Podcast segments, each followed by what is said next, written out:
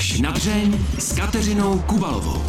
Vystudovala literární akademii a léta psala třeba seriál Ulice. Jako podnikatelka plnila lidem bláznivé filmové sny a stvořila také fiktivní influencerku Niky Tučkovou. Už pár let je duší letní scény divadla Kampa, pro které napsala hry Meda, Verich a aktuálně recitál Marta. Naším hostem bude už za chvíli Daniela Sodomová. Kateřina Kubalová přeje dobrý poslech. Dnes je tady se mnou ve studiu producentka, scénáristka Daniela Sodomová. Dobrý den vám přeju. Dobrý den. My se scházíme v době, kdy vy vlastně finišujete s přípravami eh, nového divadelního představení pro eh, letní scénu Muzea Kampa a sice představení Marta, které chystáte. Meda i Verich, které jí předcházely, měly docela velký úspěch. Tak jaká máte očekávání od Marty? Tak eh, vzhledem k situaci, která teďka nastala, tak si myslím, že jsme se trefili do tématu úplně neuvěřitelně hm. a sami jsme překvapení, protože celé to představení je vlastně o okupaci, o tom, jak se postavit sám za sebe, za svůj názor, ale i je to vlastně dost, první půlka představení dost odlehčená, protože ten její život samozřejmě byl i spoustu úspěchů a radosti, takže mám očekávání, že se lidi i pobaví, i vlastně si popláčou hmm. a trošičku si to možná vztáhnou na to, co se děje dneska. Jak na ten nápad, že vznikne představení recitál reagovala sama Marta Kubišová?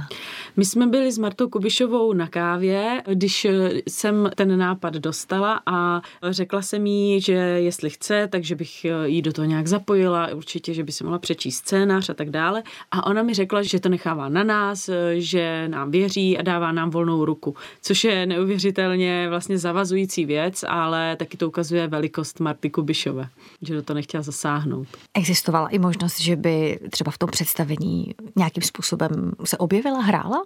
Já jsem věděla, že by to odmítla, takže jsem jí to hmm. ani nenabízela. Ona se mě na to ptala, protože si myslela, že ji nejdříve volám s touto nabídkou. Já jsem jí řekla, ne, nebojte se, mně jde jenom o to, že vám chceme udělat jakoby dárek 80 nám, abyste věděla, že se to připravuje a přišla se podívat, hmm. ale určitě jsem neměla v úmyslu do toho nějak zapojovat víc. Jak vás vůbec Marta Kubišová napadla? Já mám Martu Kubišovou od malička neuvěřitelně ráda. Její písničky jsem si zpívala třeba ve 14, v 15 letech, takže to byl pro mě takový splněný sen a chtěla jsem si zkusit dělat představení o někom, koho mám opravdu ze srdce ráda a protože se tím tématem zabývám třeba tři čtvrtě roku. Zase, když člověk dělá představení o někom, koho má opravdu takto rád a má ho nastudovaného, tak je to dost náročné potom třeba, když se škrtá. Musím říct, že mě vlastně překvapilo, že jsem to dokázala psát poměrně stručně, protože tam hodně písniček, takže to jsem byla ráda, ale samozřejmě jsem se bála, abych ji až moc neadorovala, takže jsem se snažila se na to podívat trošku z výšky a dát tam i třeba nějaké, no ne úplně špatné vlastnosti, ale vlastně spíš, že některé ty mm-hmm. události se jí děly tak nějak sami, nebo prostě, že to bylo souhra náhod. Nedělala jsem z ní zase takovou tu hrdinku chvilku, která dopředu měla všechno naplánováno mm-hmm. a mhm. věděla, co dělá. Byl to právě i trošku třeba cíl sejmout to břímě toho hrdinství z Marty Kubišové? My, když jsme se s ní s režisérkou scházeli, tak ona nás o to požádala, mm-hmm. abychom vlastně z ní tohle tak trochu sejmuli, protože je to pro náročné nést to břímě. Nevím, jestli se nám to povede, protože ten její životní osud je opravdu úžasný a ona si vždycky zachovala tak, že neuhla před sebou, ale snažili jsme se jí zličtit. Na divadelních prknech Martu Kubišovou Kubišovou stvární Berenika Kohoutová a Hana Holišová. Byla to pro vás jasná volba, anebo jste dlouho vybírali představitelky? Musím říct, že to bylo jako velice těžké, že jsem si i chvíli myslela, že nebude vůbec možné někoho sehnat, nebo někoho, kdo by to vzal vůbec, protože přece jenom tam dochází k určitému srovnání těch hlasů hlavně. Hmm. Ale ono těch možností prostě bylo velmi málo, takže vlastně jsme neměli moc na výběr, komu říct. Ten hlas by... Marty Kubišové je hodně specifický, no, tam se špatně vybírá kdo by byl vlastně hmm. výborný, jak herecky, pěvecky, pohybově a prostě ještě vlastně vizuálně nějakým způsobem se přiblížil té Martě, protože když už jsme třeba někoho vymysleli, tak zase by to vizuálně nebyl úplně podobné a tak dále. Takže jsme tak zase opravdu měli opravdu malý okruh těch představitelů, který by to mohly být. Říká Daniela Sodomová. Co obsazování těch dalších rolí, to tentokrát také muselo být docela obtížné, protože mm-hmm. herci budou i hodně hrát. Hodně no, zpívat. Ano. No, hlavně budou hrát na hudební nástroje, takže vlastně... Vy tam budete mít vlastně takovou kapelu, kapelu. Uh-huh. A ty herci všichni museli hrát výborně na nějaký hudební hmm. nástroj a ještě v alternaci. Takže vlastně 20 eh, herců jsme hledali v alternaci a to bylo teda neskutečně náročné. Ještě si museli být nějakým způsobem ne podobní, ale prostě hráli stejnou roli, že jo? A museli umět na stejný nástroj a ještě vlastně hrát to divadlo. A musím říct, že jsme to doobsadili Vypadá jako nedávno. Jako skoro neřešitelný no, problém. ale obsadili jsme to opravdu na poslední chvíli, všechny ty role. Kdy bude premiéra? Premiéra bude na začátku června, mm-hmm. 9.6. a potom poběží představení celý červen a červenec. Pozor na to, protože normálně jsme hráli třeba Vericha celé léto mm-hmm. a tady hrajeme Martu opravdu jenom červen, červenec a pak se bude hrát znovu Verich v srpnu. A Meda se bude hrát šestkrát mm-hmm. v rámci Marty toho období. Mě by docela zajímalo, jak vy jste se k divadlu a k tomu umění, k tomu kumštu vlastně dostala. Máte nějaké rodinné kumštíře? Ve svém okolí? Tak já jsem z hudební rodiny, můj táta, moje sestra i moje maminka byla, byla zpěvačka, sestra s tátou jsou kytaristi, ale divadlu nikdo nedělal, já jsem k němu tíhla úplně od malička už vlastně, hmm. takže jsem prostě dělala divadlo jakoby jako dítě i jako studentka. Chodila jsem do ročníku na gymnázium s Michalem Vysteníkem a s Romanem hmm. Štabrňákem. My jsme byli taková docela skvělá parta tady těch lidí, kteří se tomu pak začali věnovat profesionálně, takže jsem jsem tak nějak jakoby k tomu tíhla od malička, byl to můj sen a pak jsem se z toho trochu odklonila, tak jsem z toho byla trošku smutná, protože jsem chtěla, vždycky ta cesta byla jasná, ale na 12 let jsem ji vlastně mhm. přerušila. A pak Vy jste už... místo DAMu nebo konzervatoře šla na literární mhm. akademii. Mm-hmm. No já jsem potom už jako věděla, že chci psát a tak to prostě byla skvělá škola na tohle, ta byla úplně úžasná, já jsem tam byla šťastná, ale prostě chtěla jsem psát to divadlo a taky jsem mu věnovat jako producentsky, takže jsem absolvovala i v Laterně Magice mm-hmm. interaktivním představením, právě divadelním, takže i na té škole jsem se tomu věnovala. Nicméně, jak už jste před chvílí zmínila, tak spoustu let jste byla, jak v České televizi na Primě, dělala jste dlouhá leta scénáristku ulice. To musí být dost eh, velká škola psát takový seriál? Já jsem ho psala ještě na škole, když ten seriál začínal, pak asi dva nebo tři roky a mm-hmm. vlastně to byla úžasná škola. Ten seriál ze začátku psali opravdu velcí scénáristé, jakoby, kteří psali spoustu jiných věcí a učili nás to a psala jsem i spoustu jiných seriálů na novu a tak dále. Takže jsem eh, potom přešla do té české televize a tam jsem pracovala na kampaních, eh, jako je třeba Stardance kampaň a podobně. Mm-hmm. Natáčela jsem je, měla jsem na starost celou výrobu těch věcí, jako dramaturg a pak jsem přešla a dělala jsem střihače a všechny tyhle věci se mi teď hrozně hodí. Vypráví Daniela Sodomová. Daniela Sodomová svého času plnila tajná přání lidem. A to taková jako třeba den ve znamení prázdnin v Paříži a jiné nezvyklosti. Co vás k tomu vedlo? Tak já jsem pracovala vlastně už eh, mnoho let v té české televizi a moje kolegyně a já jsme se rozhodli, že chceme podnikat. A že vlastně vymyslíme, nejdřív jsme chtěli podnikat, jakoby, že budeme dělat pořad tady toho typu. Že vlastně vždycky někomu zinscenujeme mm. jeho sen tak, že třeba chce být Jamesem Bondem a my mu ten den celý uděláme jako James Bond.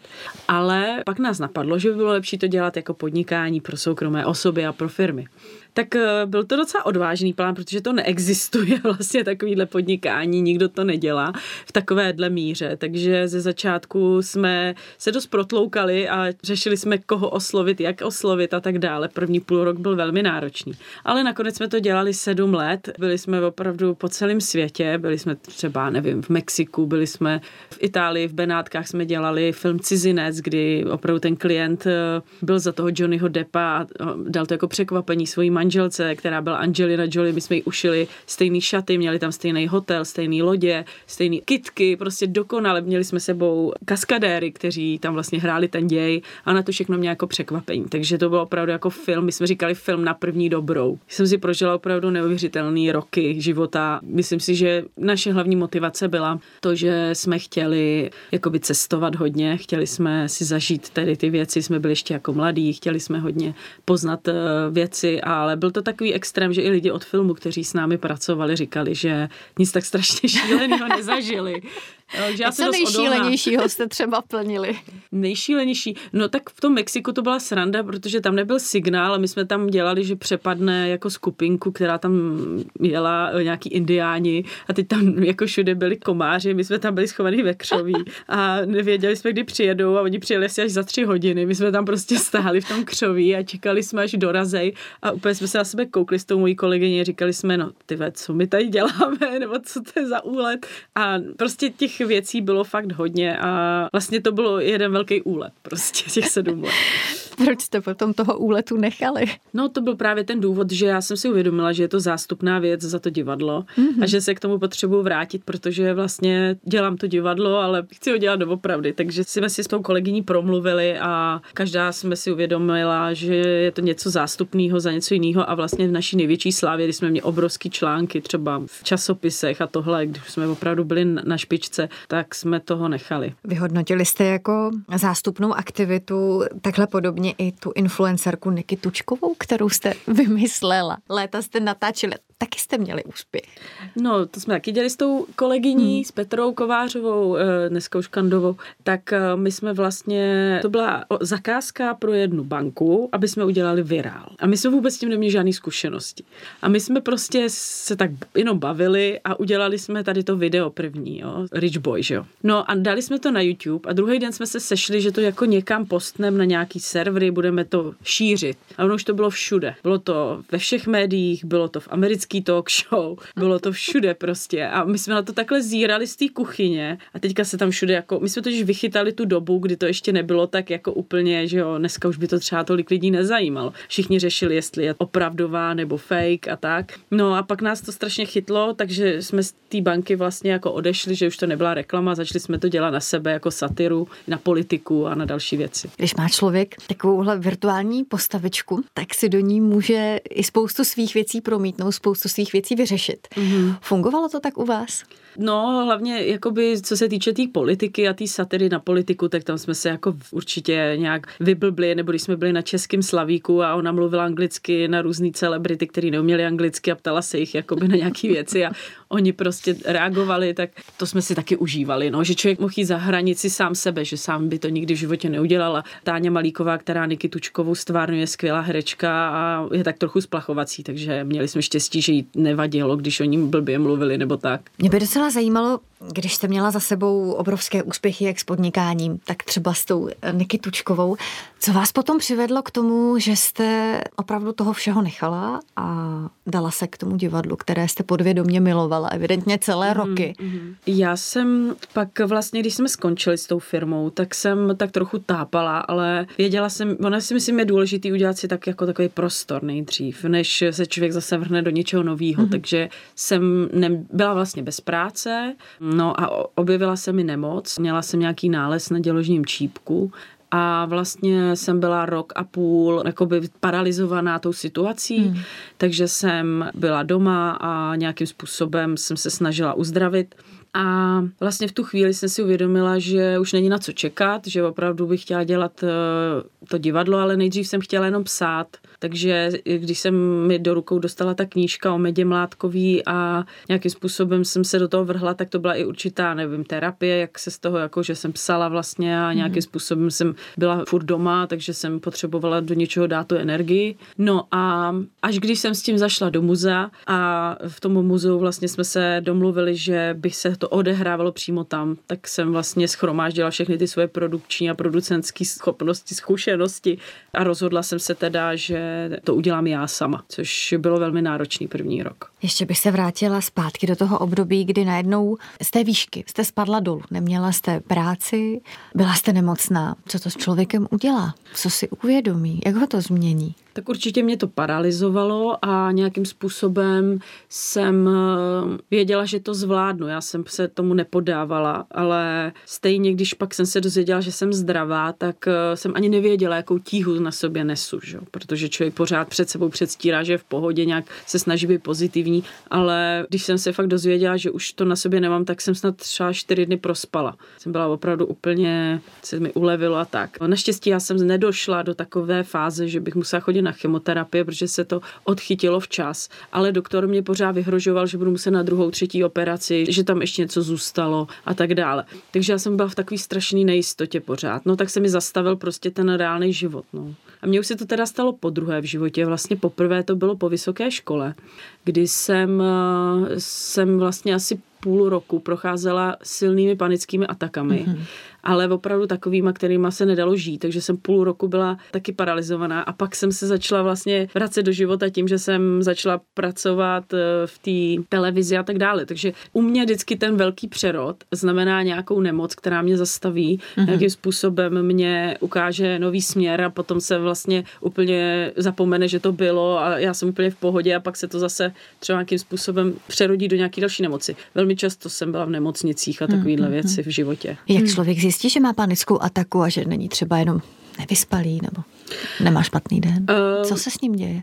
Já jsem to měla ve spánku, uh-huh. takže já jsem se vždycky jako zbudila hodinu po tom, co jsem šla spát a bylo jedno, v kolik to bylo. Uh-huh. A vlastně jsem jakoby se zbudila, nevěděla, kdo jsem, kde jsem, měla uh-huh. jsem pocit, že umírám a vlastně jsem to měla jako pak už obden, takže já jsem vlastně vůbec nevěděla, jak uh-huh. s tím pracovat, ale díky vlastně nějakým terapeutickým věcem, který jsem podstoupila, hypnoze a tak dále, jsem se z toho za půl roku jako dostala, takže už se mi to nikdy nevrátilo. Ale to myslím, že je úžasný úspěch, uh-huh. Protože když poslouchám různý lidi, který mám kolem sebe, tak to opravdu jako s tím bojují celoživotně. Takže je lepší jít prostě, když se něco takového objeví okamžitě za odborníkem a nechat Určitě. si pomoct. To hlavně, sám hlavně, člověk nezvládne. No a hlavně to neutlumovat práškama. Já jsem si nikdy nevzala mm. ani jeden. Vždycky mm. jsem vlastně si tím prošla na 100%. Mm. Jo, a to právě říkala i Marta, když se vrátím k tomu, když měla ty nejtěžší období, že vlastně nikdy si nevzala žádný prášek, nic. Ona prostě všechno prožila na dřeň. Ale ono to člověka očistí a potom vlastně nějakým způsobem může pokračovat dál. Už dvakrát se vám stalo, že to tělo vám dalo možná nějaké znamení mm-hmm. že je něco špatně, že se má něco změnit. Berete to tak, jako takový mm-hmm. vstyčený ukazováček, pozor, zastav se? Určitě, já jsem to tak brala, já mám docela nadhled nad těma věcma a snažím se se sebou hodně pracovat, takže ve chvíli, kdy se mi něco takového stalo, tak jsem prostě, no u té rakoviny to bylo trošku samozřejmě horší, ale tam člověk jako ani neví, co, jak paralizovaný je a tou situací, mm. ale i tak jsem se snažila No a pak to divadlo teda, když eh, jsem ho začala dělat, tak ten první půl rok byl velmi náročný, takže to ještě dobíhalo protože já jsem tam i lepila koberce, já jsem tam dělala všechno prostě hmm. ten první půl rok. To bylo opravdu jako o tom, že člověk sobě musí najít eh, veškerou sílu, kterou má, teď ji jako úplně nemáte, protože jste ještě pořád trošku paralizovaný tou nemocí, takže, ale všechno je pryč a je to dobrý. Když se člověk zabývá tak velkými osobnostmi, jako je Meda Mládková, jako byl Jan Verich, Marta Kubišová, tak co u toho třeba zjistí sám o sobě? Tak já úplně miluju historii a vlastně, jako mm-hmm. řeknu to tak blbě, jako vrtat se v těch životech těch lidí. Já jsem ještě i s Adélou Stodolovou udělali jsme o Adině Mandlovi ještě další hru, takže vlastně to byly čtyři životy. To bylo v Mladé Boleslavi, nepřesunete to představení i třeba do Prahy? No ještě jsme o tom neuvažovali, že to ještě nemělo ani premiéru, protože tam tam otěhotněli nějaké herečky, ale v září bychom už měli mít konečně premiéru. Ale k té vaší otázce, no já se o sobě dozvěděla, já si myslím, že ono je tam zajímavý, že on se to pořád motá jakoby kolem toho stejného období, že jo? To je ta první světová válka, druhá světová válka a tak dále. Takže jako začala jsem přemýšlet, kdo jak reagoval a kdo je pro mě ten vzor a kdo ne a jak bych reagovala já protože eh, ty situace prostě každý zvládl jinak a že vlastně není jedna správná cesta, že třeba Meda vždycky utekla do bezpečí, ale vlastně díky tomu dokázala to, co dokázala. Marta zase naopak, úplně opačný případ, kdy ta nikdy vlastně neudělala nic pro to, aby se zachránila, jo, vždycky prostě šla do toho hmm. nejhoršího, jenom kvůli tomu, aby si zachovala tvář. Takže jsou to dva úplný extrémy pro mě a oba ty příběhy jsou úžasný, takže jsem i přemýšlela o tom, jakože co bych udělala já tak. Hmm. A teď mi napadlo, jak o tom mluvíte. Víte o tom, jestli se třeba ty dvě dámy setkaly? Marta s Medou? Myslím, že ano. Jak, jak? Mm-hmm. Na Oni sebe obě, slyší. Ono, oni obě milují psy a vlastně pomoc zvířatům, takže tam mají schodnou řeč, ale jako nemůžu mluvit za ně, protože Meda oslaví letos 103. narozeniny. a jestli se vyloženě protnuli v tom životě, to úplně nevím, jakoby nezjišťovala jsem to, protože je tam generační rozdíl trochu. Další otázka je úplně na snadě. Jakou další významnou osobnost máte ve svém hledáčku? No, to já nikdy nevím. Já to vždycky řeším až přesně, když ta sezóna začne, protože tak trošku se i nacituju na tu atmosféru té mm-hmm. společnosti, na sebe, na to, co bych chtěla dělat, o čem chci povídat, co ta společnost potřebuje vědět nebo slyšet, teda je to nějaký můj druh toho, že ty lidi, kteří na nás přijdou, tak eh, my se snažíme o nějakou českou hrdost eh, vyvolat v těch lidech a tak dále. Prostě ty hry jsou tak zaměřený a nevím. Prostě já zatím jako nemám vůbec v hlavě nic. Uvidíme. Uvidíme za rok. Máte nějaký sen, který si chcete splnit? Já bych chtěla určitě zkusit jet eh, s jedním z našich představení nebo udělat představení eh, v zahraničí. Ideálně v Americe, ve Washingtonu třeba, kde Meda právě žila, takže tam bych chtěla jet s tímto představením a mám to už nějak rozjednané, ale pořád se to tak nějak odkládalo kvůli covidu a všemu, takže to je takový můj sen. Hostem pořadu až na dřeň byla scénáristka, producentka Daniela Sodomová. Moc krát vám děkuji. Mějte se hezky a nashledanou. Nashledanou. Nezbývá než dodat, že pořad až na dřeň si můžete poslechnout i jako podcast. A nezapomeňte se podívat také na videozáznam z natáčení. Kateřina Kubalová se těší na slyšenou zase za týden. Mějte se krásně.